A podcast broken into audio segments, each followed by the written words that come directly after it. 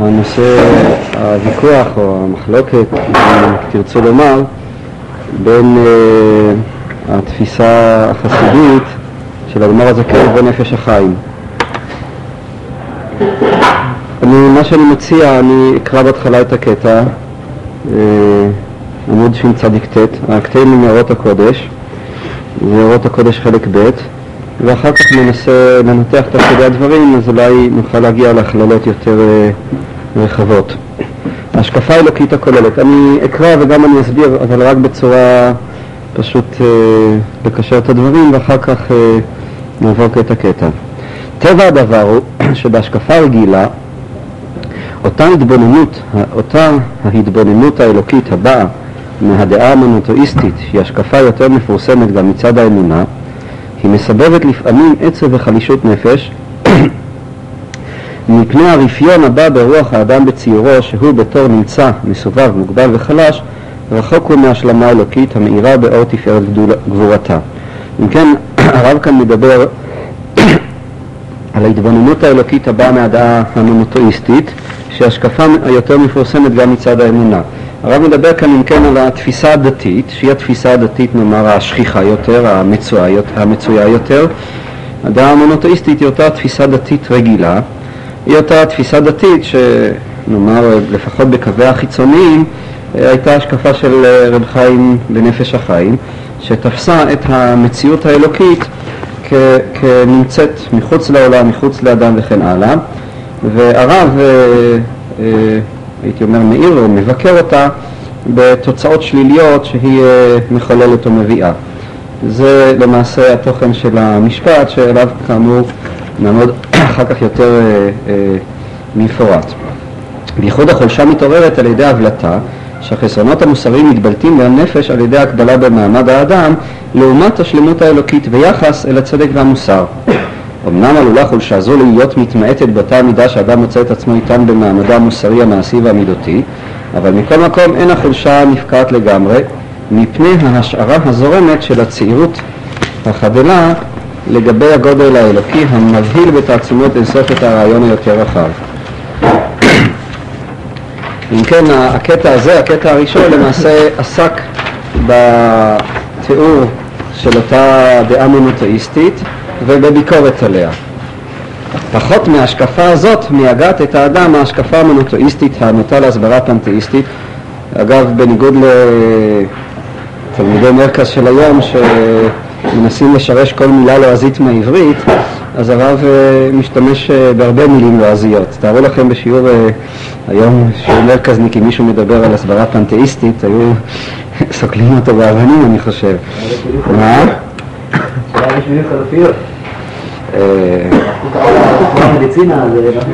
כן, אני, תראה, אפשר היה לנסח את זה בצורה אחרת. השימוש במילים לועזיות הוא לא רק מצד איזושהי התהדרות, אלא יש מונחים בלועזית שא' הם המונחים המקובלים, וב' גם אם תתרגם אותם לעברית, הייתי אומר הקונוטציות הן שונות, זאת אומרת, זאתי המילה של העניין. אז אתה יכול לתרגם את זה, אבל אז זה יאבד את, ה, את המשמעות, אי אפשר בעצם אה, לתרגם את זה באותו מובן. אם כן, הרב מדבר כאן על השקפה מונותואיסטית, הנוטה להסברה פנתאיסטית. כן, מי שלא יודע, אה, פנתאיזם זאת תפיסה שמזהה את האלוקות עם הטבע. אה, פן או פן, האל, האל פן היה אל הטבע, ופנתאיזם זה כאמור תפיסה שמזהה את האלוהות עם הטבע. נאמר התפיסה הפנתאיסטית המפורסמת, אולי גם הרדיקלית ביותר, היא כמובן התפיסה של שפינוזה, שהיא, אבל היא איננה השקפה מונותואיסטית, כלומר אותה השקפה שמזהה את האלוהות עם הטבע. הרב מדבר כאן על התפיסה המונותואיסטית, הנוטה להסברה פנתאיסטית, כשהיא מזדככת מסוגיה, המובלטת בחלקים רבים ממנה בחלק התבוני של החסידות החדשה, שאין שם דבר מבלעדי האלוקות. אם כן, הרב מדבר על תפיסה זה ברור לחלוטין שהוא מתכוון כאן לחסידות חב"ד, החלק התבוני של החסידות החדשה, הכוונה היא לחב"ד. הרב כינה את החסידות, מה שאנחנו קוראים חסידות, בשם חסידות חדשה, ובזה הוא בא להביע שהחסידות לא מתחילה עם הבעל שם טוב, אלא שהיו עוד uh, חסידויות קודמות, uh, חסידים ש... שבתקופת הבית, חסידי אשכנז, לכן הוא כינה את החסידות הבשת כחסידות החדשה, והחלק התבוני של החסידות החדשה היא כאמור התפיסה החב"דית, אותה תפיסה שהוא מגדיר אותה כהשקפה מונותואיסטית, כלומר כהשקפה דתית שמאמינה באלוקות, אבל היא נוטה להסברה פנתאיסטית, כלומר היא מדברת במונחים פנתאיסטיים במובן הזה שהיא אה, הסברה הם אה, לקוחים מתוך איזושהי אה, תפיסה שבה האלוקות, העולם, הייתי אומר, נמצא באלוקים.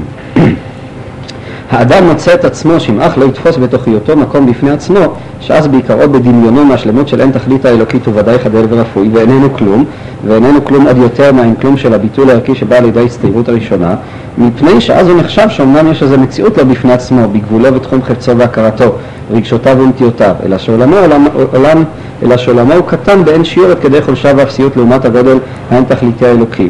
אבל אין זאת אפסיות גמורה ומוחלטת בעצם. לכן היא בהשקפה השנייה המסברת שאין דבר חוץ מהאלוקות המוחלטת, כן, אין אה, אה, דבר חוץ מהאלוקות המוחלטת, אין עוד מלבדו, אם כן השקוע בנטיותיו הפרטיות של האדם הנשענות על השקפת החיים שיש איזו מציאות פרטית טובה לעצמה, אפילו בצורה שבקטנות רק הבל ושב נטעה. וראוי היה לפי זה להשקפת עולם זו להיות מחלישה את רוח האדם במעמקי התבוננות שלה עוד יותר מהראשונה. מכל מקום אין הדבר כן, אלא שזו האחרונה משיבה לאדם מיד את עוז נצחו היא רק מעודדת אותו שאין לו לשכוח את אמיתת הווייתו ש... ושעליו להתרחק מכל אורחות החיים הנובעים מהמחשבה הטעותית של הישות של עצמו הפרטי, הקרוע ברוחניותו מהאינסוף האלוקי. אבל כיוון שהוא צועד על דרך זה, אין עוד לכבוש דבר של מציאות, כי אם דבר של דמיון כזה, וכבר הוא מאושר באינסוף.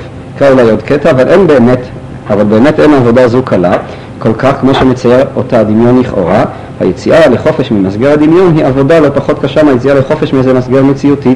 מכל מקום סוף סוף אה, עוז רוח לא הוא יותר מהמחשבה הראשונה. אם כן, אלה, נאמר, זה החצי הראשון. שני הקטעים עסקו למעשה בהשוואה בין ההתבוננות האלוקית הבאה מהדעה המונותואיסטית לבין השקפה המונותואיסטית הנוטה להסברה פנתאיסטית. מה, לפני שאנחנו נכנסים לתוכן, מה סוג הביקורת שהרב אה, מדבר עליה כאן, והדבר הוא מאוד אה, אופייני וגם אה, חשוב אה, להיות מודעים אליו. הרב לא דן כאן בוויכוח באיזושהי, באיזושהי אה, לא מציג את זה כאיזה ויכוח פילוסופי. שימו לב שהביקורת שהרב מציג כאן, וכתוצאה ממנה גם הנוסחה שהוא מציב בסוף, היא כל כולה נובעת משיקולים שהייתי מגדיר אותם כשיקולים פסיכולוגיים. כלומר, מהתוצאות השליליות שהשקפה א' מביאה, ולעומת זאת מהתוצאות החיוביות שמביאה השקפה ב', כשהכוונה היא תוצאות, תוצאות אה, נפשיות. הייתי אולי, אולי אומר, אה, אם לא פסיכולוגי אז קיומי, אקסיסטנצי, אקסיסטנציאלי, מכל מקום, הרב לא דן, או לא מציג, לא מנסה לדון אה, או להציג את הוויכוח כשאלת האמת במובן הפילוסופי, מי צודק מבחינת המציאות או משהו כזה. והדבר הזה, כפי שאמרתי, הוא אופייני בהרבה מקומות אצל הרב. כלומר, אין כאן ויכוח שזה מוכיח את השיטה הזאת וזה מוכיח את השיטה הזאת, לא ויכוח במישור הפילוסופי וגם לא ויכוח, אה, נאמר, קבלי, איך לפרש את דברי הזוהר הקדוש ולהביא ראיות מכאן ו- וראיות לכאן וכן הלאה. כל הדבר הזה הוא לא רלוונטי אה, בעיני הרב. ולמה הוא לא רלוונטי? והדבר הזה הוא לפי דעתי חלק מתפיסה יותר כוללת של הרב. הוא לא רלוונטי משום שהרב תופס את כל אחת מהגישות כאפשרות. זאת אומרת, בהרבה מקומות באורות הקודש הרב מדבר על זה שלמעשה כל דבר שאתה יכול לחשוב אותו בהקשר מסוים, אפילו להעלות אותו בדמיון, הוא בעצם נמצא. מה פירוש הוא נמצא? הוא נמצא במובן הזה שבתוך האינסופיות האלוקית כל משהו אפשרי, כך הרב כותב באיזשהו מקום, הוא גם כן מצוי. הרי כשאני מדבר על המושג מציאות ביחס לאינסוף, אין לו אותו מובן של שולחן, של כיסא וכן הלאה. אני מדבר על מציאות במובן האלוקי, במובן האינסופי.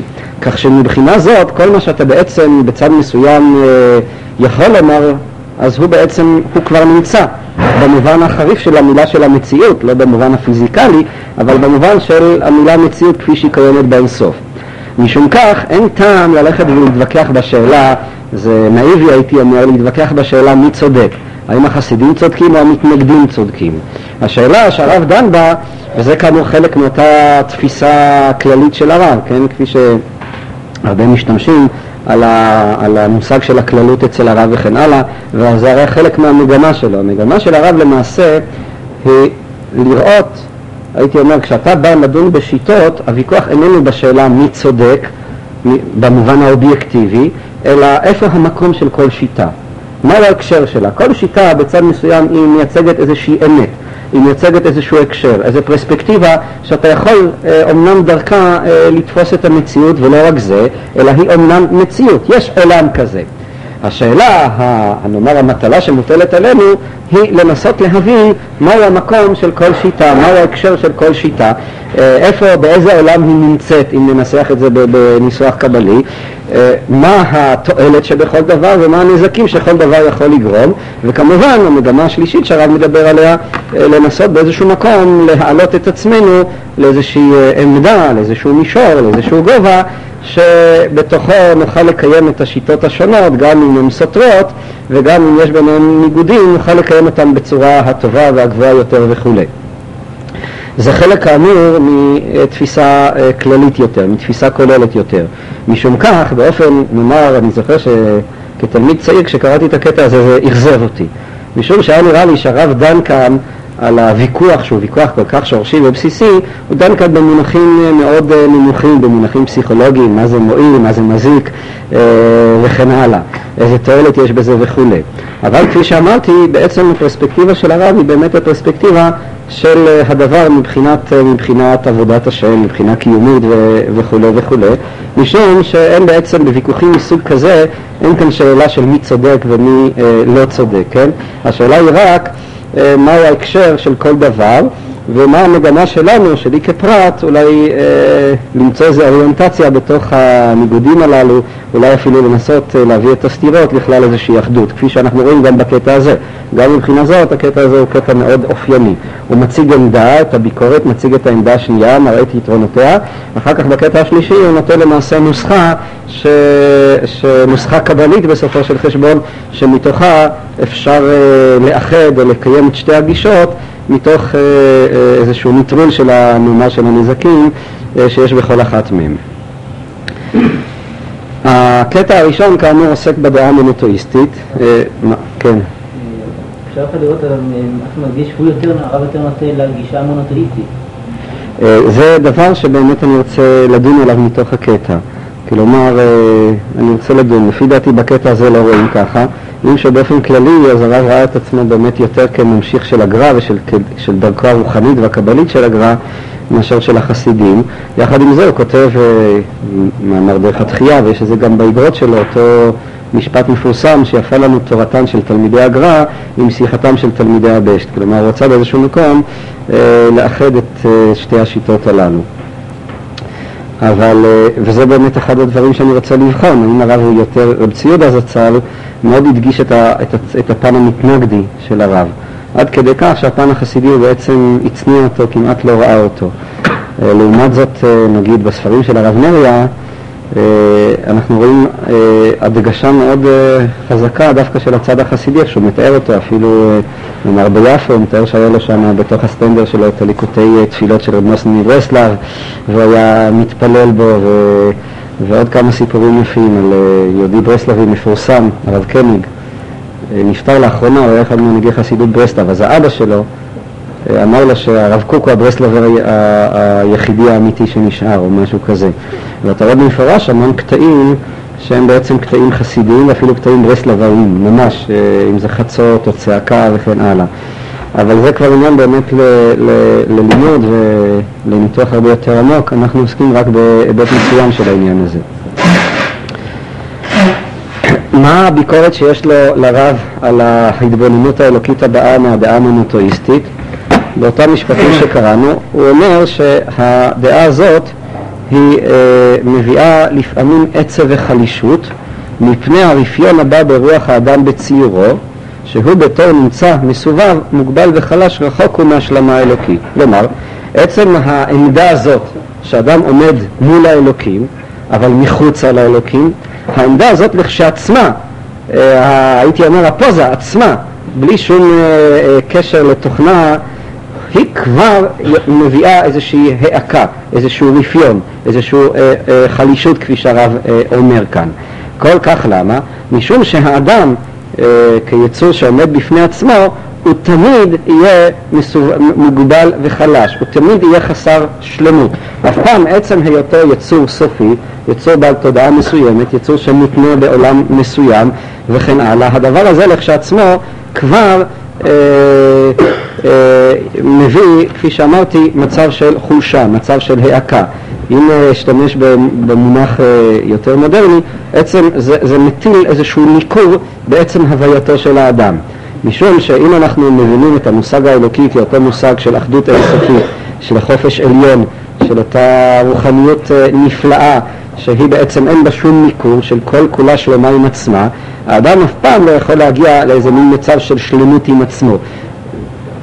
והדבר הזה כאמור נובע מעצם העמדה עצמה, שאדם אה, אה, הוא נמצא מחוץ על האלוקים, הוא עומד מול האלוקים, הוא עומד מול האינסוף, וכל מה שהוא יעשה וכל מה שהוא יפעל וכל מה שהוא יחשוב וכן הלאה, זה תמיד יהיה משהו חלש, משהו יחסי, משהו לא שלם, משהו אה, אה, פגום, משהו חסר, אה, משמעות, חס, חסר משמעות מוחלטת וכן הלאה.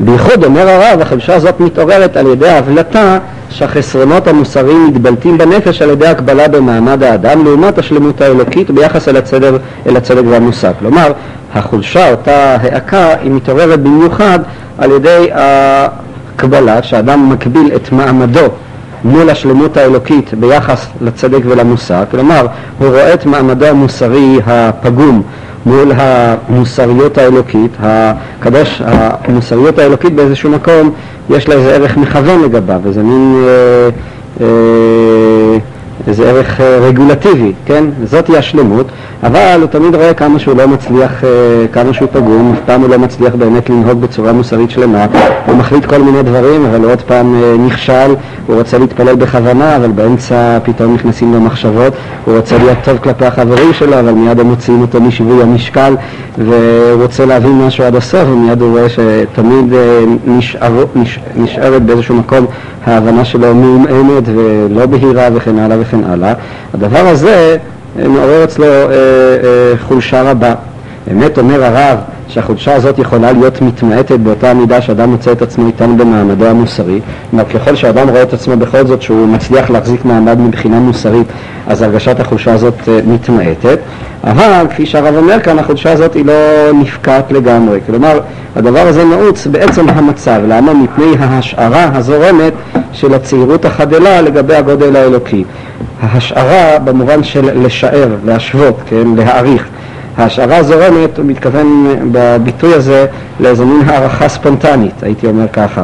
אבל באופן ספונטני האדם משער, מעריך את, את צעירותו, צ, צעירות, צעירות במובן של קוטן, כן? החדלה, לגבי הגודל האלוקי המבהיל בתעצומות אינסוף את הרעיון היותר רחב. כלומר, יש כאן, כפי שאמרתי, אה, איזה כשל בעצם המציאות האנושית, כשהיא נתפסת כמציאות שנמצאת, נתפסת מחוץ לאלוקים. זאת אותה העקה שאולי אנחנו מרגישים באמת בתפיסה המתנגדית, באותה אה, אה, אה, עמדה דתית שכיחה יותר. יש בעמדה הדתית תמיד איזשהו חוסר חופש, איזשהו חוסר שלמות, איזושהי הרגשה של רגשי אשמה וכן הלאה וכן הלאה, והדבר הזה כאמור הוא לא יכול להיות אחרת, משום שהוא נובע מעצם, המצ... מעצם מצבו של האדם, מעצם, מעצם העמדה, מעצם האופן שבו העולם נתפס. זה בהכרח חסרון? מה אתה אומר?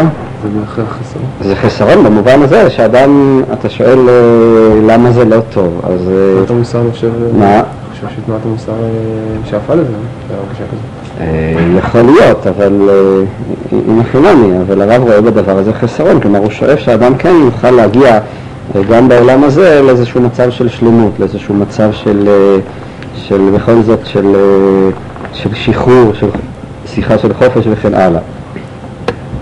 לעומת ההשקפה הזאת, ותשימו לב שכאן הביקורת מפנה דווקא לתפיסה הזאת, לתפיסה המתנגדית באופן כזה או אחר, הרב מדבר על ההשקפה החב"דית.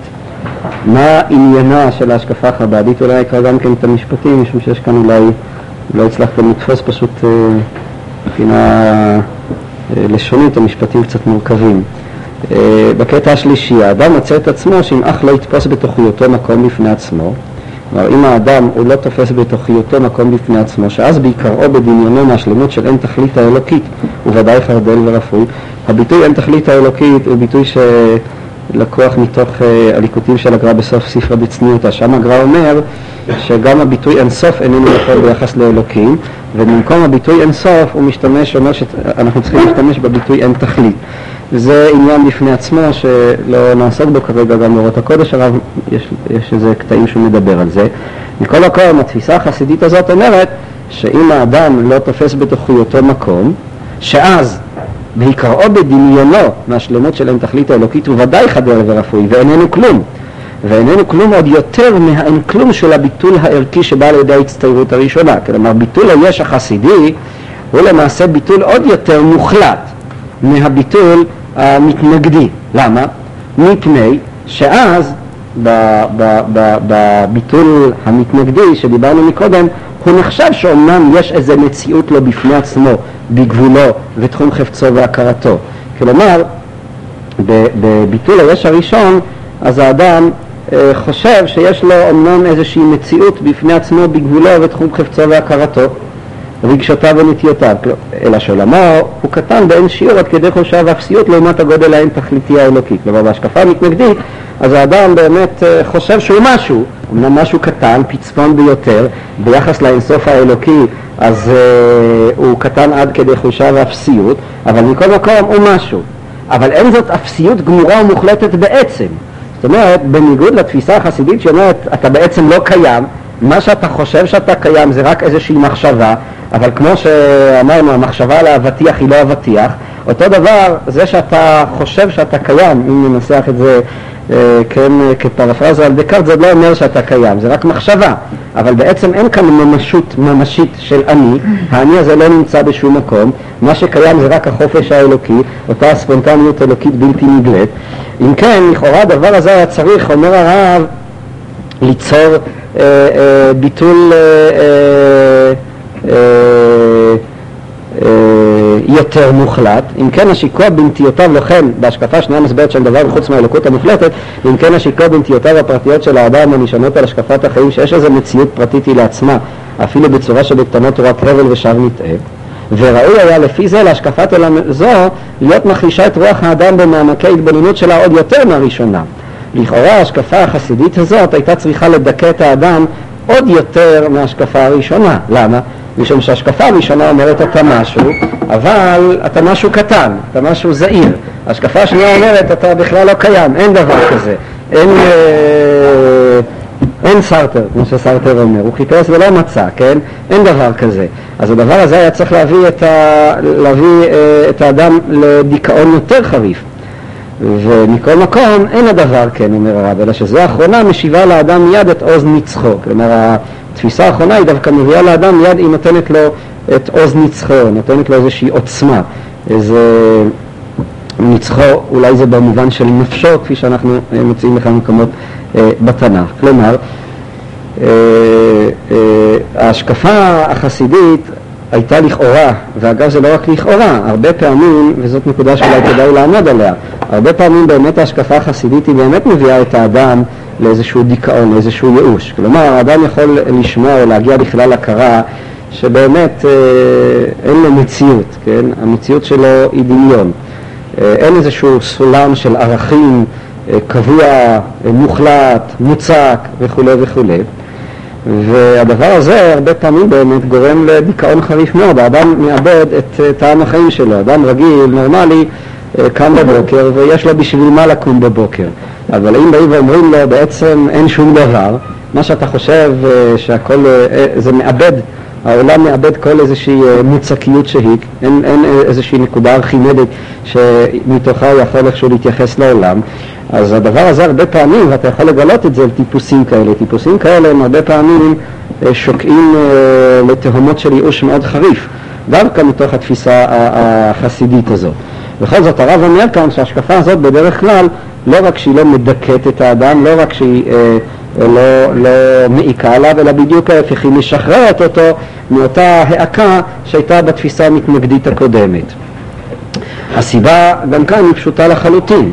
ההשקפה המתנגדית הקודמת, הייתי אומר, איזה מין השקפה סיזיפיאנית כזאת, שבעצם אתה כל הזמן צריך לסחוב משהו. שהרי אתה נמצא תמיד באיזשהו מקום מול העולם, מול האלוקים. אתה צריך לפעול, חייב לעשות וכן הלאה. אף פעם לא תוכל להשתחרר מאותה, מאותה סחיבה. ההשקפה הזאת היא נותנת לו לאדם איזושהי קלות אינסופית.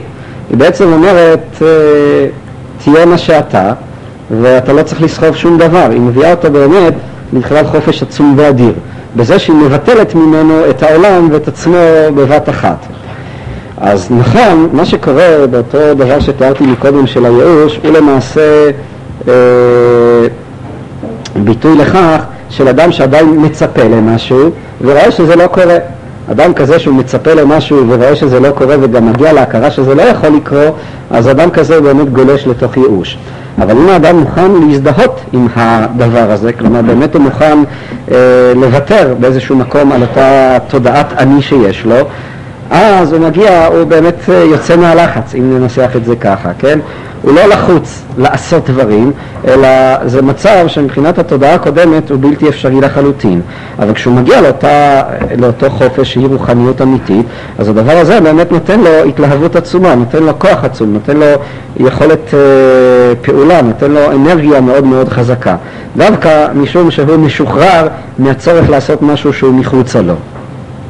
והרב אומר יותר מזה, שאפילו אדם שלא מימש את זה, עצם המחשבה הזאת, היא כבר נותנת לו לאדם איזושהי אה, התחדשות, היא נותנת לו איזשהו אה, כוח, גם אם אמנם הוא לא מימש אותה.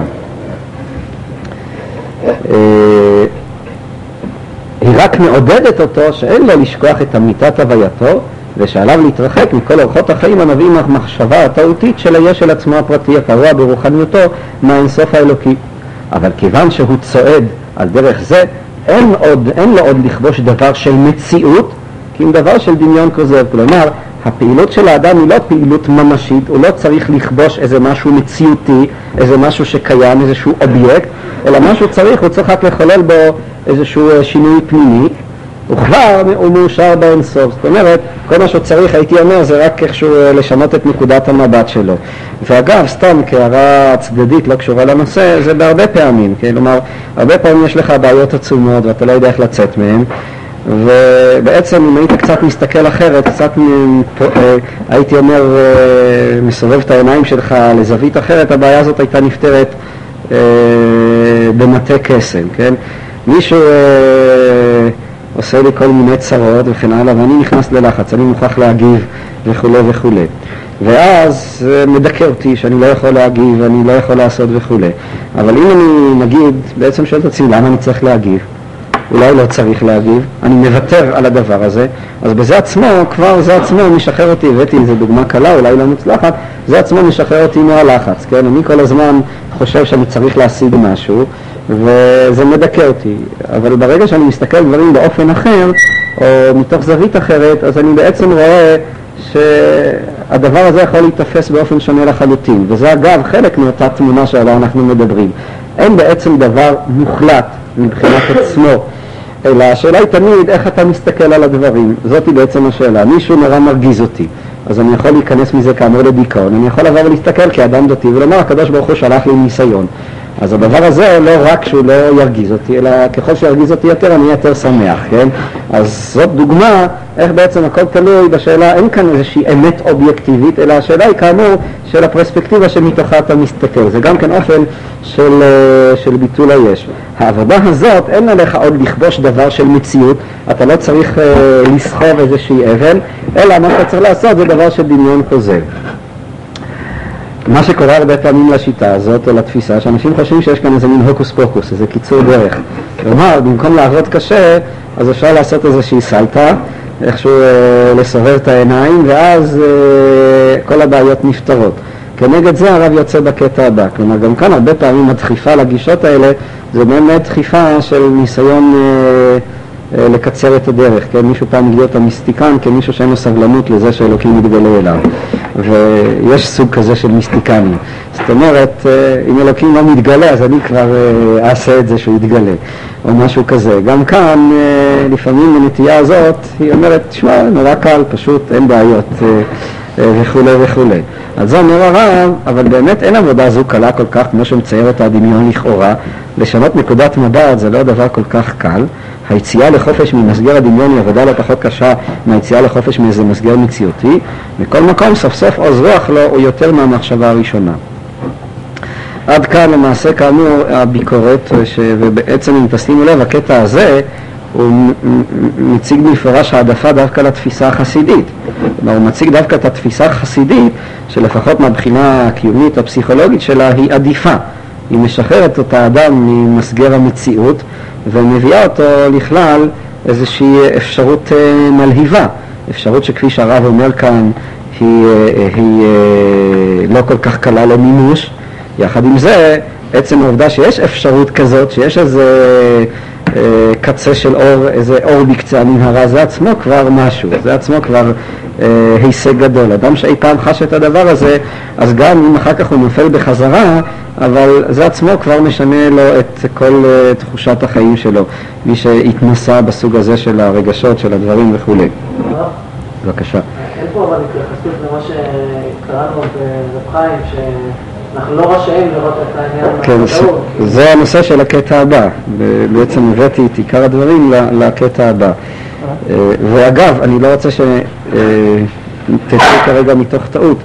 כמו בהרבה מקרים אצל הרב, אתה יכול למצוא גם את הדברים ההפוכים, כלומר בקטעים הבאים נמצא דווקא את הביקורת בכיוון ההפוך, אבל, אה, וזה גם כן אופייני לרב, ברב תמיד אפשר למצוא, או בדרך כלל אפשר למצוא את שתי העמדות, וזה מתוך היכולת, מתוך מה שתיארתי קודם, במובן מסוים אני מרגיש שאולי אה, הדבר העיקרי והחשוב שאני לומד מהרב קוק זה הדבר הזה. היכולת לראות דברים מהפרספקטיבות השונות, לא, זה דבר שהוא מאוד uh, קרוב לתודעה המודרנית. לא להיות חד צדדיים, לא, להיות, לא לראות דברים, זה המושג של הכלליות של הרב.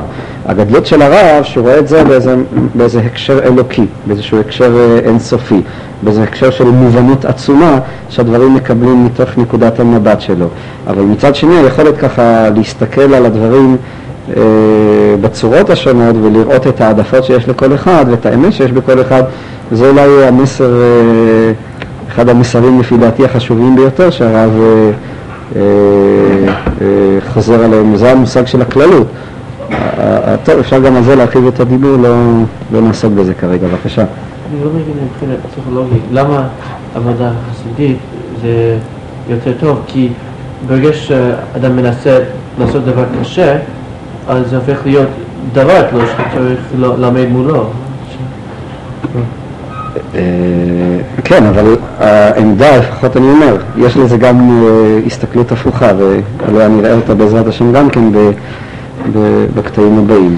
אבל לפחות מה שמוצג בקטע הזה, יש הבדל גדול בין אם אתה צריך לעשות כל הזמן משהו, כמו שאמרתי, לסחוב על עצמך כל הזמן. להשקיע אנרגיה של משהו מחוץ עליך. העמדה המתנגדית היא מנציחה איזשהו מצב שלעולם אתה לא תוכל להיות באחדות מלאה עם עצמך, משום שלעולם אתה נמצא באיזשהו אה, עולם שמחוץ עליך, עולם שיש לו את החוקים שלו, את ההתנויות שלו, ואז אתה, כן, צריך תמיד לפעול לפי חוקים שאינם החוקים שלך, אתה אף פעם לא חופשי.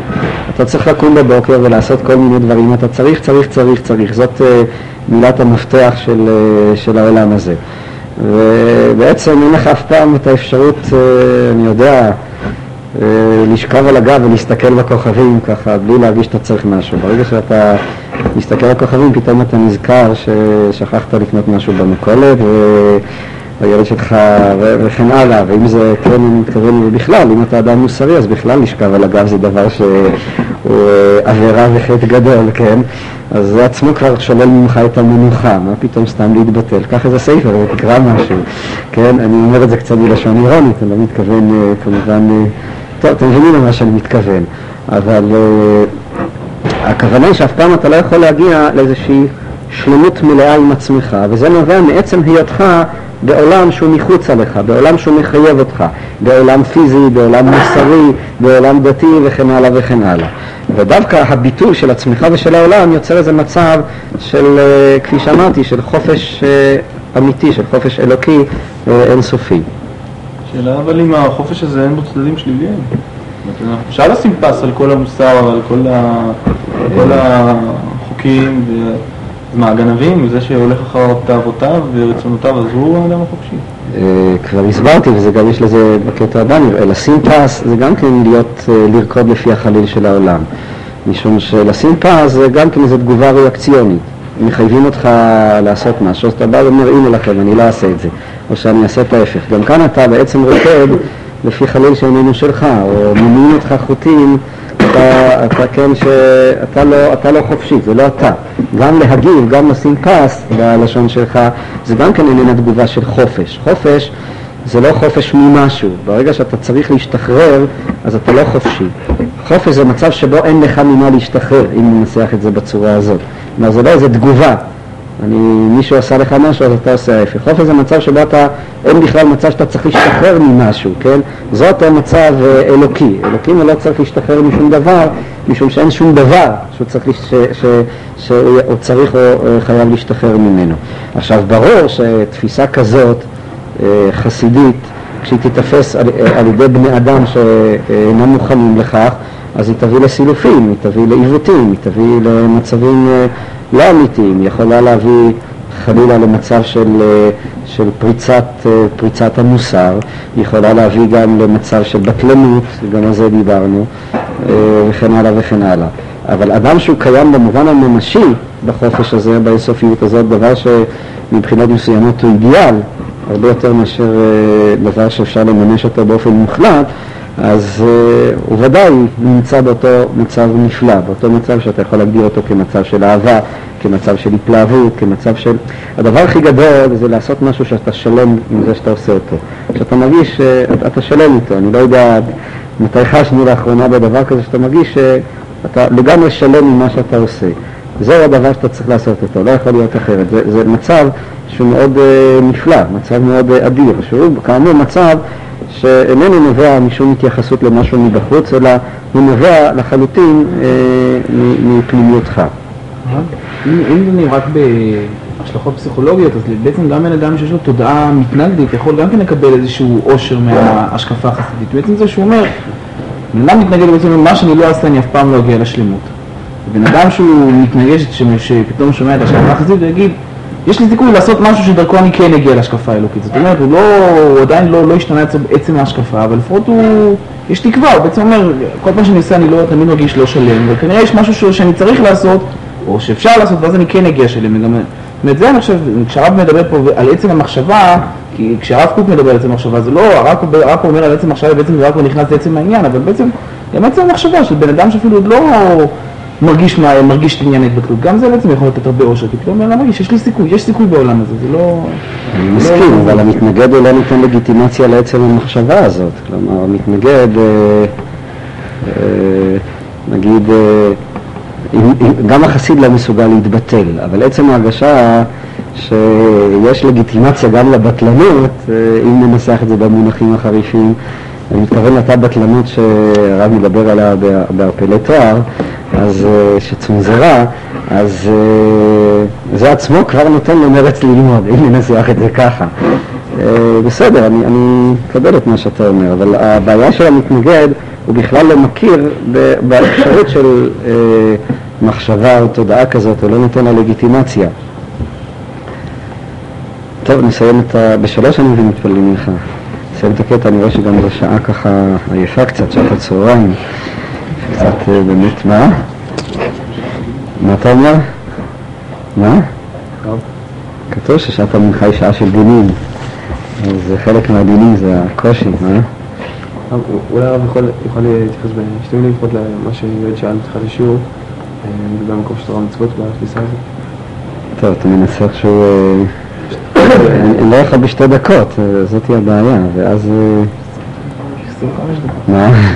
אני לא נגמר את הקטע הזה, דיברנו על זה קצת ואני מוכן לחזור על זה שוב. אני בכל זאת רוצה לגמור את הקטע הזה. וזה קשור לשאלה הקודמת, מה היחס בין זה לבין הדברים של רב חיים מוולוז'ין. אבל אי אפשר לגשת אליה כי אם על ידי ההרגל הגדול וההתלמדות השכלית היותר זכה, שאפשר להיות על פי ההשקפה הראשונה. ואז היא מלבשת את המחשבה האחרונה באורה לכל פרטיה, ונעשית לה בית קיבול והיכל השם בהיכל קודשו. ממש הרב אומר כאן ראשית, וכאן הוא כבר סוטה, נאמר, או נוטה מההשקפה החסידית, שבעצם אתה אף פעם לא יכול להתחיל את העבודה שלך בתפיסה החסידית. עליך כל הזמן, הייתי אומר, אה, להשתפשף קשה, לעבור טירונות מתנגדית, בכדי שתוכל אחר כך אה, לעשות, אה, אני יודע, קורס קצינים חסידי, אם ננסח את זה ככה. כלומר, אם אתה מנסה ישר לקפוץ להשקפה השנייה, אז אתה בעצם מונה את עצמך. זה בעצם מה שאני מרגיש שעומד כאן אחרי הדברים של הרב, שאתה מנסה ככה לעשות איזה מין הוקוס פוקוס כזה, לוותר על העבודה הקשה ולפתור את הבעיות שלך ככה באיזה מין שיטת קסם. לכן הרב אומר כאן שאי אפשר לגשת אליה, אל אותה תפיסה חסידית, כי אם על ידי ההרגל הגדול וההתלמדות השכלית היותר זכה, שאפשר להיות על פי ההשקפה הראשונה. קודם כל אתה צריך להשתפשף ולסחוב קשה. ואז אם אמנם עמדת במבחן הזה, במטלה הזאת, אז היא מלבשת את המחשבה האחרונה בהוראה לכל פרטיה. ונעשית לה בית קיבול והיכל השם בהיכל קודשו. וכאן הרב זה מאוד מעניין, כאן הרב משתמש בנוסחה קבלית. אה, היכל השם בהיכל קודשו, בחסידות, אה, בקבלה, הכוונה היא לאיחוד קודשא באיחוד שכינתי. השם זה שם הוויה, בהיכל, ההיכל היא ספירת המלכות, שהיא בית קיבול והיכל, או היא מלבישה את המחשבה, את שם הוויה. ומה שכאן קורה כאן מאוד, מאוד מעניין, הרב מפענח, הייתי אומר, את שתי התפיסות הללו, החסידית והמתנגדית, כשם הוויה ושם הדמות. ושם אדנות. כשמה שהרב מציע כאן למעשה זה איחוד שתי השמות, או קודשא בריחו ושכינתי. כבר הזכרנו שספירת המלכות מציינת את הספירה של העולם המעשי, של אין מלך בלא עם. אותה תפיסה שהיא למעשה הבסיס של התפיסה של התודעה של העולם, שהיא הבסיס של התפיסה של, של התפיסה המתנגדית. עכשיו, אז ראשית הרב אומר, הכניסה, ההתחלה היא דרך uh, ספירת המלכות, שהיא ההיכל. היא רק לבוש, והרב מפתח את זה יותר בהמשך, מכל מקום עליך לעבור את אותו לבוש, את אותו פתח, שממנו אה, העניין מתחיל. כלומר עליך ראשית כל לסגל לעצמך את העבודה, את יראת השמיים המתנגדית, הפשוטה, החסידית, אותה יראה שהיא למעשה יראה מנוכרת, לא אחדותית. אם אתה תפתח ביראה השנייה, אז אתה עלול אה, להיכשל. אז ראשית כל צריך לעבור, אה, כפי שאמרתי, את הסטאז', את הטירונות של התפיסה המתנגדית, כדי להגיע אחר כך ל, ל, ל, לתפיסה אחרת. אגב, תמיד אה, יש לי הרהורים בכיוון הזה, אה, בהקשר אחר, אבל אולי אני אמחיש את זה דרך, יכול להוות איזה משל להמחשה. תמיד אני חושב, אם לא כדאי שנגיד בחור יעבור בהתחלה דרך איזו ישיבה יותר חרדית, כאילו כל מיני ניסיונות לבנות איזו ישיבה שמתחילה ישר עם הרעיונות הרוחניים וכולי, אז אני חושב שתמיד טוב שאדם יעבור איזושהי תקופה שהוא יישרף נאמר, בתקופה מסוימת, אם זה מנתיב מאיר, שאני מניח כאן, לא יודע אם היום יש עוד צדיקים מנתיב מאיר, אבל בתקופתי היו הצדיקים של נתיב מאיר, כן? שתמיד חלק היו בורחים מישיבה גבוהה, והיום אני מבין שדורות השתנו, אבל בכל זאת הייתה תקופה כזאת שיש בה גם הרבה עיוותים וסילופים. או כן, אפילו בישיבה גבוהה, אם לא כדאי לעבור איזו תקופה כזאת, אה, הייתי אומר, יותר ישיבתית חרדית, על מנת אחר כך להיפתח. אבל אם אתה מתחיל ישר להיפתח, אז הפתיחות הזאת יש לה מובן שונה ומשקל שונה לחלוטין מאשר אם עברת קודם את, ה... את ציר הלחץ אה, הקודם, ציר הלחץ של הישיבה, נאמר, החרדית יותר, הישיבתית יותר, הלוחצת יותר, המדכאת, איך שלא תרצו ותכנו את הדברים. כלומר, במובן מסוים אני מרגיש שזה מה שכתוב כאן אה, אצל הרב. קודם כל, תתחיל כמתנגד, תעבוד קשה, תהיה קצת עצבני, אה, קצת תשנא את עצמך, אני יודע באיזה מונחים שאתם רוצים להשתמש בהם, אני אומר את זה כמובן בצורה מוגזמת, אבל אה, אחר כך, אם תשתחרר, ההשתחררות תהיה אמיתית. אבל כל זמן שלא מסרת את נפשך באופן הקשה, אז לדבר על מסירות נפש יותר פנימית זה דבר שכפי שאמרתי יש בו, הרבה פעמים יש בו את הסכנה של הונאה עצמית. אם כן, אז ראשית כל כמובן הרב כאן מציג כאן עמדה, אתה יכול לראות בה יותר עמדה פדגוגית או מתודית. קודם כל אתה צריך להתחיל בהשקפה המתנגדית. אך אף על פי שהעולם העיוני וההרגשי השירי הוא יותר מזדכך ומתעלה על ידי המחשבה השנייה, המלאה מאור הענווה וביטול היש, כלומר כאן הרב בא ואומר שהעולם העיוני הפנימי, ההרגשי, העולם הרגשי, השירי הוא הרבה יותר מזדכך דווקא על ידי המחשבה השנייה, היא בעצם שייכת לעולם הפנימי, לעולם של התפילה וכולי. כאן אנחנו שומעים את ההד של המקור של רב חיים. מכל מקום, העולם המעשי איננו יכול להיות הולך את דרכו על פי ההסתכלות התדירית העליונה הזאת. כאן, כאמור, זאתי הביקורת של רב חיים מוולוז'ין. המחשבה של ביטול היש לא יכולה להיות המחשבה השולטת, המדריכה לעולם המעשי. אינך יכול לנהל את העולם המעשי לפי, או באופן קבוע, אה, פרמננטי, לפי ההסתכלות החסידית. למה? העולם המעשי מחייב איזושהי הסתכלות, הסתכלות שאתה צריך לעשות דברים, אתה צריך לבצע, שיש איזה דברים שהם מחוץ עליך. העולם המעשי הוא בנוי באופן כזה דווקא על התודעה המתנגדית. לכן העולם המעשי הוא לא יכול להיות הולך על פי ההסתכלות החסידית. בעולם הזה אתה צריך לפעול כמתנגד ולא כחסיד. זה שהחסידות בעצם מבחינה חיצונית היא הייתה בטלנית. הזכרתי שההתנגדות של החסידות לציונות היא לא הייתה התנגדות מקרית, היא הייתה התנגדות עצמית. משום שהחסידות באיזשהו מקום איננה מייחסת מעצם הגדרתה חשיבות לתיקון של העולם הזה. עצם התיקון של העולם הזה, אם זה תיקון חברתי, אם זה תיקון פוליטי, אם זה תיקון כלכלי, אין חשיבות לעולם הזה. הרי בעולם של ביטול היש, אז אין חשיבות שתעבוד על היש. היש, כך, אחרת, מה זה משנה? אה, אתה לבוש כך, לבוש המתנגדים, ההתנגדות אה, לציונות, שהיא דווקא רצתה אה, תיקון אובייקטיבי של המציאות היהודית, היא למעשה ארץ ישראל, זה ארץ ישראל רוחנית. כן, זה לא ארץ ישראל הפיזית וכולי, אני מציג את הדברים גם כן בצורה מאוד סכמטית.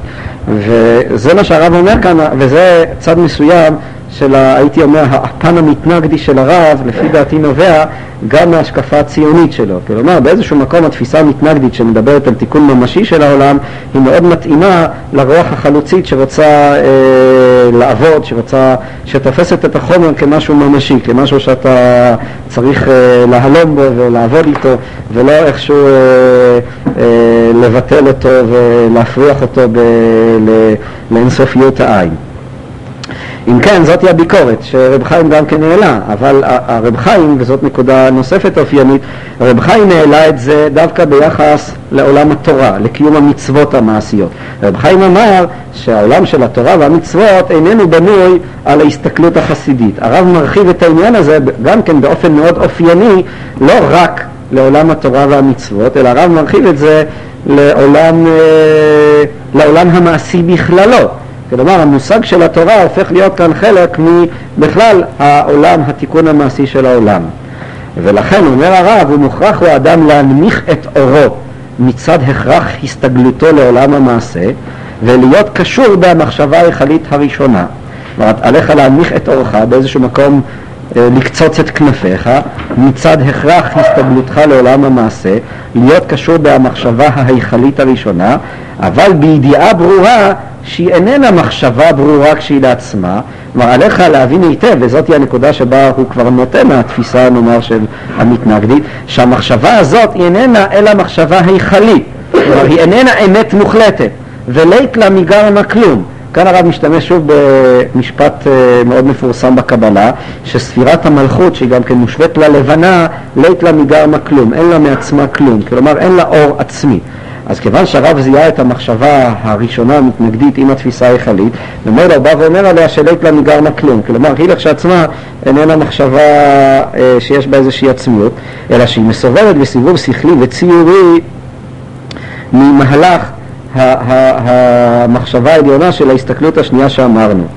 ואז העולם הממשי נעשה מזורז ומלובן ומלא צדק, והעולם המחשבי מתגבר ולא מברכת מקורות. כלומר, מה שבעצם אם נבוא וננסח לעצמנו באופן ברור קצת, ניצור לעצמנו מושג ברור מה שהרב אומר כאן, הרב בעצם אומר, אתה צריך לפעול בעולם מתוך התודעה של העולם, מתוך התודעה שאתה באמת פועל כאן באופן מציאותי בעולם. יחד עם זה, עליך תמיד לתפוס את הפעילות הזאת לא כאיזושהי אמת אמיתית, אלא למעשה אה, רק כאיזה אמצעי אה, לפעול בעולם. אבל עליך יחד עם זה לדעת שלמעשה הפעילות, התודעה שלך של פעילות בעולם היא איננה אה, אמת מוחלטת, אלא היא רק איזושהי אה, מחשבה שמסובבת, כן, יוצאת בסיבוב שכלי וצעירי ממהלך המחשבה העליונה. אני ממחיש את זה בדוגמה פשוטה, אה, מה הכוונה של הרב. ובדוגמה שהיא בעצם לא רק דוגמה, אלא חלק מהעניין עצמו. ואני חושב שמתוך זה נוכל להבין קצת יותר מה, מה הרב מתכוון כאן. אנחנו פונים לקדוש ברוך הוא כמלך, כישות, כאישיות שנמצאת מחוץ, מחוץ לנו ו, ו, ואנחנו פונים אליה. אם האדם יתפוס באופן תאמין, באופן נאיבי, שאומנם הקדוש ברוך הוא איזושהי אישיות שהוא פונה מחוצה לה, הדבר הזה לכשעצמו כבר באיזשהו מקום ייצור את אותה, אה, הייתי אומר, אה, אמינות, את אותה אה, העקה. בעצם המחשבה שיש כאן איזו תפיסה של עצם שנמצאת מחוצה, מחוצה לך, כפי שהרב מדבר במאמר דעת אלוקים. הדבר הזה לכשעצמו כבר מביא לאותה אמינות אה, אה, בעצם המחשבה. אבל אם אתה אמנם פונה לקדוש ברוך הוא כמלך, זה משום שאתה מבין שאתה לא יכול להשתמש בשפה אחרת. אין לך איזה שפה על האינסוף, לאינסוף אין שפה. שפה היא מעצם הגדרתה סופית. לכן אתה בא ואומר את אותה אינסופיות, שהיא ההוויה האלוקית הטהורה שלא ניתנת להגדרה, היא ניתנת רק לח, באיזשהו מקום אולי לחוויה, לדבקות, אתה מבטא את זה בזה שאתה פונה לקדוש ברוך הוא כמלך, הוא שולט בעולם. אבל אתה יודע שהמשפט הוא שולט בעולם איננו משפט אמיתי במובן המוחלט. הוא למעשה איזושהי שפה שדרכה אתה יכול לבטא באופן חיצוני ומנוכר איזושהי אמת שהיא הרבה יותר גבוהה, הרבה יותר הווייתית, הרבה יותר אינסופית. אם אתה אומנם פונה לקדוש ברוך הוא בצורה הזאת, אז אותה העקה ואותה אמינות שנוצרת בך מתוך הפנייה הזאת, היא באיזשהו מקום מזדככת, היא מקבלת את הבהירות. אתה פועל בעולם מתוך התודעה שאתה עושה משהו, אבל העשייה הזאת עצמה היא נחשבת בעיניך רק, כפי שאמרתי, כאיזה אופן של ביטוי, כשפה, כ- כצורה שבה אתה יכול להתייחס לדברים, אבל לא כמשהו מוחלט מבחינת עצמו. הדבר הזה עצמו כבר נותן לך את אותם כנפיים שעליהם אנחנו מדברים. הדבר הזה הופך גם את העולם הממשי למזורז ומלובן ומלא צדק.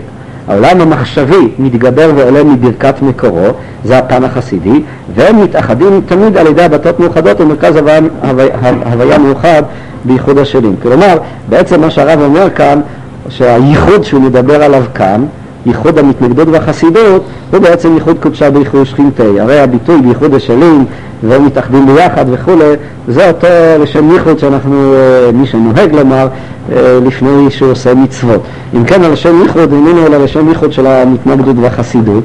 כלומר, הייחוד הזה, זה הנוסחה שהרב מכליל לתוכה את מה שהוא אומר. ובסופו של חשבון, אם אה, ננסה איכשהו לערוך מאזן איפה הרב עומד כאן בוויכוח בין המתנגדות לחסידות, אז מצד אחד אה, הוא מתנגד לרב חיים במובן הזה שלא רק שבניגוד לרב חיים שאוסר את תודעת ביטול היש, הרב אה, מתיר אותה. א', הוא מתיר אותה מבחינת העולם העיוני וההרגשי, כלומר בעולם הפנימי, אז האדם צריך אה, באיזשהו מקום לפעול דווקא או לפתוח את עצמו דווקא לתפיסה הזאת, לתודעה הזאת, זאת נקודה אחת. ב', באיזשהו מקום הרב רוצה, רוצה שהתודעה הזאת היא תלווה את האדם תמיד. גם שהוא ניגש, והנקודה הזאת היא כבר הנקודה שבה הוא, אה, הייתי אומר, נוטה מהדרך החסידית, אבל הוא לא שואף לכך שנגיע, שנוכל אה, לחיות כל הזמן מתוך התודעה הזאת. הוא אומר, בעקבות רב חיים, שהעולם המעשי הוא בהכרח בנוי באופן אחר. העולם המעשי איננו יכול, אי אפשר לפעול בעולם המעשי מתוך התודעה של, אה, של, של, של, של ביטול היש. אבל הוא רוצה שאנחנו נפעל בעולם המעשי, אה, נראה בעולם המעשי עצמו לא איזשהו עולם שהוא אמת לכשעצמה, אלא איזשהו עולם שהוא כאמור איזשהו אופן של ביטוי של עולם הרבה יותר גבוה. זה האופן שבו אני אומר ופועל איזוש, את התפיסה היותר גבוהה. כשאדם פועל בעולם הזה, אז באיזשהו מקום גם העולם הזה מקבל איזושהי אה, רוחניות, איזושהי הנהרה, או כפי שנאמר כאן, העולם הממשי נעשה מזורז ומלובן, הוא מלא צדק. אה, כשהתודעה הזאת היא איננה נתפסת כאמור כאמת לכשעצמה, אלא היא רק אה, לא התלם מגרמה כלום, היא רק איזשהו השלך של ההבנה, של התפיסה הגבוהה יותר, וזה כאמור, זאת היא הנוסחה של אה, הייחוד שהרב מדבר עליו. זאת הנוסחה שמתוכה הרב רוצה להכליל באיזשהו מקום גם את התפיסה החסידית וגם את התפיסה המתנגדית. אה, כאמור בשיטה שלישית שהיא בצד מסוים היא לא דומה לא לזה אה, ולא לזה.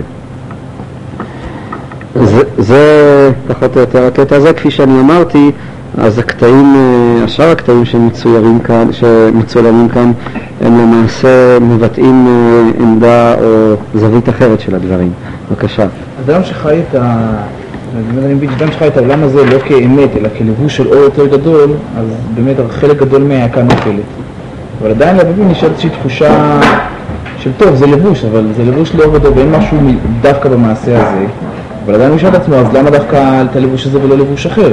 וזה עדיין נשאר אותי איזושהי תחושה, תחושה של להקה. אתה רוצה בכל זאת להגניב את השאלה שהתחלת איתה, לא, לא, זאת לא. אותה שאלה. אתה שואל מה המשמעות בעולם של ביטול היש לתורה ומצוות. עכשיו אתה שואל את זה, אולי לא היית מודע, אולי לא היית מודע למה שאתה שואל, אבל אתה שואל את אותה שאלה, כאילו אבל בנוסחה מתונה יותר של הרב. אם אני תופס את זה רק כביטוי, אז אה, בואו נחשוב רגע, ננסה לתאר לעצמנו, אני מניח תפילין בבוקר. אז המתנגד חושב שהוא עושה כאן משהו מוחלט, הקיים מצד עצמו, יש איזה מין החלטיות בעצם המהווה החומרי הזה של התפילין המרובעות והשחורות וכן הלאה וכן הלאה. כשהוא אה, מנענע את הלולב, אז הוא עושה את זה ככה לכל פרטיה ודקדוקיה עם כל הכוונס וכן הלאה וכן הלאה.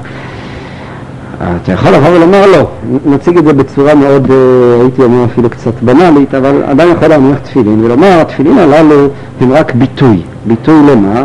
לרעיון של אהבת השם, של האחדות עם הקדוש ברוך הוא. אה, אני לא יכול בדיוק להבין למה הן צריכות להיות אה, מרובעות שחורות ולמה דווקא בצורה הזאת, אבל באיזשהו מקום אני יכול לפחות לחיות מתוך המחשבה שיש כאן איזו השלכה חיצונית של משהו אינסופי, משהו פנימי.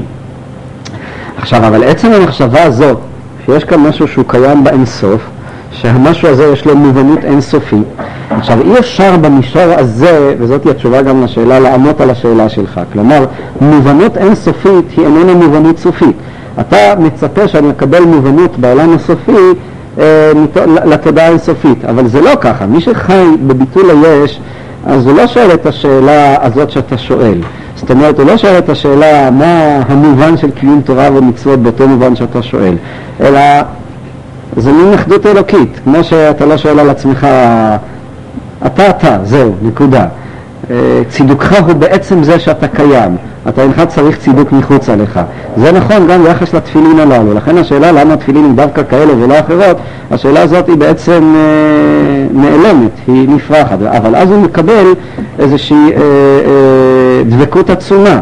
לא אותה, אותה שאיפה שאנחנו שואפים להבין למה אני צריך לעשות דווקא את זה ולא דבר אחר, השאלה הזאת הוא משתחרר ממנה, היא נעלמת ממנו, וברגע שהיא נעלמת ממנו הוא נפתח לאיזושהי התלהבות עצומה, הוא נפתח לאמת שיש בדבר הזה עצמו, לעצם האמת נאמר, הוא ידבק הרבה יותר באהבה שבאה לידי ביטוי באותם תפילין, ברעיון. ההתלהבות שלו תנבע מתוך ההכרה של האמת שיש כאן בדבר הזה, ולא של איזה ניסיון למצוא אה, נימוק רציונלי, סיבתי, מדויק, למה זה כך וזה לא אחרת. זאת תמיד הבעיה שאנחנו אה, שואלים את עצמנו, למה אני צריך לעשות ככה? אבל בעולם האינסופי אין צריך, יש את מה שיש, ואז האדם מקבל את ההתלהבות מתוך האמת של הדברים, כשלא מטרידה אותו השאלה היה יכול להיות אחרת.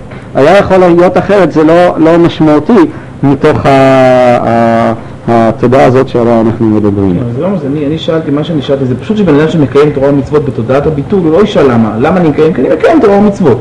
אבל באותה מידה גם בן אדם אה, חילוני, למה אני הולך לדיסקוטק? כי אני הולך לדיסקוטק. אוקיי, אז מה זה מפריע לך? אז טוב, לא, זה לא מפריע לי, זאת אומרת שבעצם אין, שום משמעות אובייקטיבית לתורה ומצוות. אבל ברגע שאתה כל הזמן חוזר בעצם וכולי, כל המשפט הזה הוא כל הזמן משפט שאתה עדיין נאחז בזמן של מה שהיית צריך לוותר עליו. אז מה, אכפת לך שהוא... אז הוא הולך לדיסקוטק. לא, לא אכפת לי, אוקיי, לא, לא אכפת לי, לא זאת אומרת ש... או נגיד, אני אנסח את זה בצורה הכי חריפה שלא מתכוון, אני הולך לדיסקוטק וייכנס לגיהנום, אז מה? אתה, מבין? למה הוא ידבק באלוהים? לא ייכנס לגיהנום. ידבק באלוקים, אני לא בטוח שהוא ידבק, כן, הוא ידבק באלוקים, משום שיש גם צורה להידבק באלוקים דרך ההיכנסות לגיהנום, מבחינה אינסופית זה אותו דבר עצמו. כבר הזכרתי את המדרש שכינוסו של הקדוש ברוך הוא עולה מגן עדן כמו מהגיהנום. אתה, אתה מבין, המחשבות האלה הן מחשבות... מי, מי אמר שתורה זה, זה דבקות באלוקים דרך גן עדן וזה דרך גיהנום? מי אמר? אף אחד לא אמר. לא, אתה יודע את זה. אני? לא יודע את זה, לפי החסידות אני לא יודע את זה בכלל, אני יודע ש... אתה יודע את זה, אם אתה מאמין אז אתה מאמין, מה אפשר לעשות שאתה מאמין? הוא הוא הוא מאמין גם? הוא אוקיי. הוא מאמין, בסדר, טוב, אז מה? אתה, מבין, הוא מאמין במה שהוא מאמין, זה לא בדיוק שהוא מאמין, אתה מאמין, יש- אתה מבין, זה הרבה יותר עדין, מה שאתה מאמין אתה צודק, השאלה במה אתה מאמין. זה לא איזה שאלה אובייקטיבית, גם הוא מאמין, ובמידה שהוא אין מאמין, פה שום דבר אובייקטיבי. אין כאן שום דבר אובייקטיבי, אבל זה לא אומר שאין אמת, או שהאמת היא יחסית, או משהו כזה, זה ודאי שלא. זה זה, זה לא אומר, היא לא אמת סובייקטיבית, זה בדיוק הנקודה. משום שהעולם הזה הוא מתעלם מעבר להבחנה בין אובייקטיבי לסובייקטיבי. האמת היא אלוקית, זה הכל. אלוקים זה הכל. ואלוקים זה הכל, נכון. אבל אלוקים זה הכל, זה לא בא להבחין, לבטל את ההבדל בין טוב לרע. זה בא לבטל את ההבדל האובייקטואלי בין טוב לרע. מבחינות מסוימות זה מכבד הרבה יותר את ההבדל בין טוב לרע. משום שהטוב יילחם ברע עד חורמה, מתוך איזושהי עוצמה עצומה, וכוח רע שהוא דווקא ירצה באי קיומו של הרע, והוא יישען על הרצון האלוקי דווקא להכחיד את אותו, את אותו רע. טוב, רק אני מבין שבשלוש מתפללים מנחה, אז אני לא הייתי רוצה לעכב אתכם.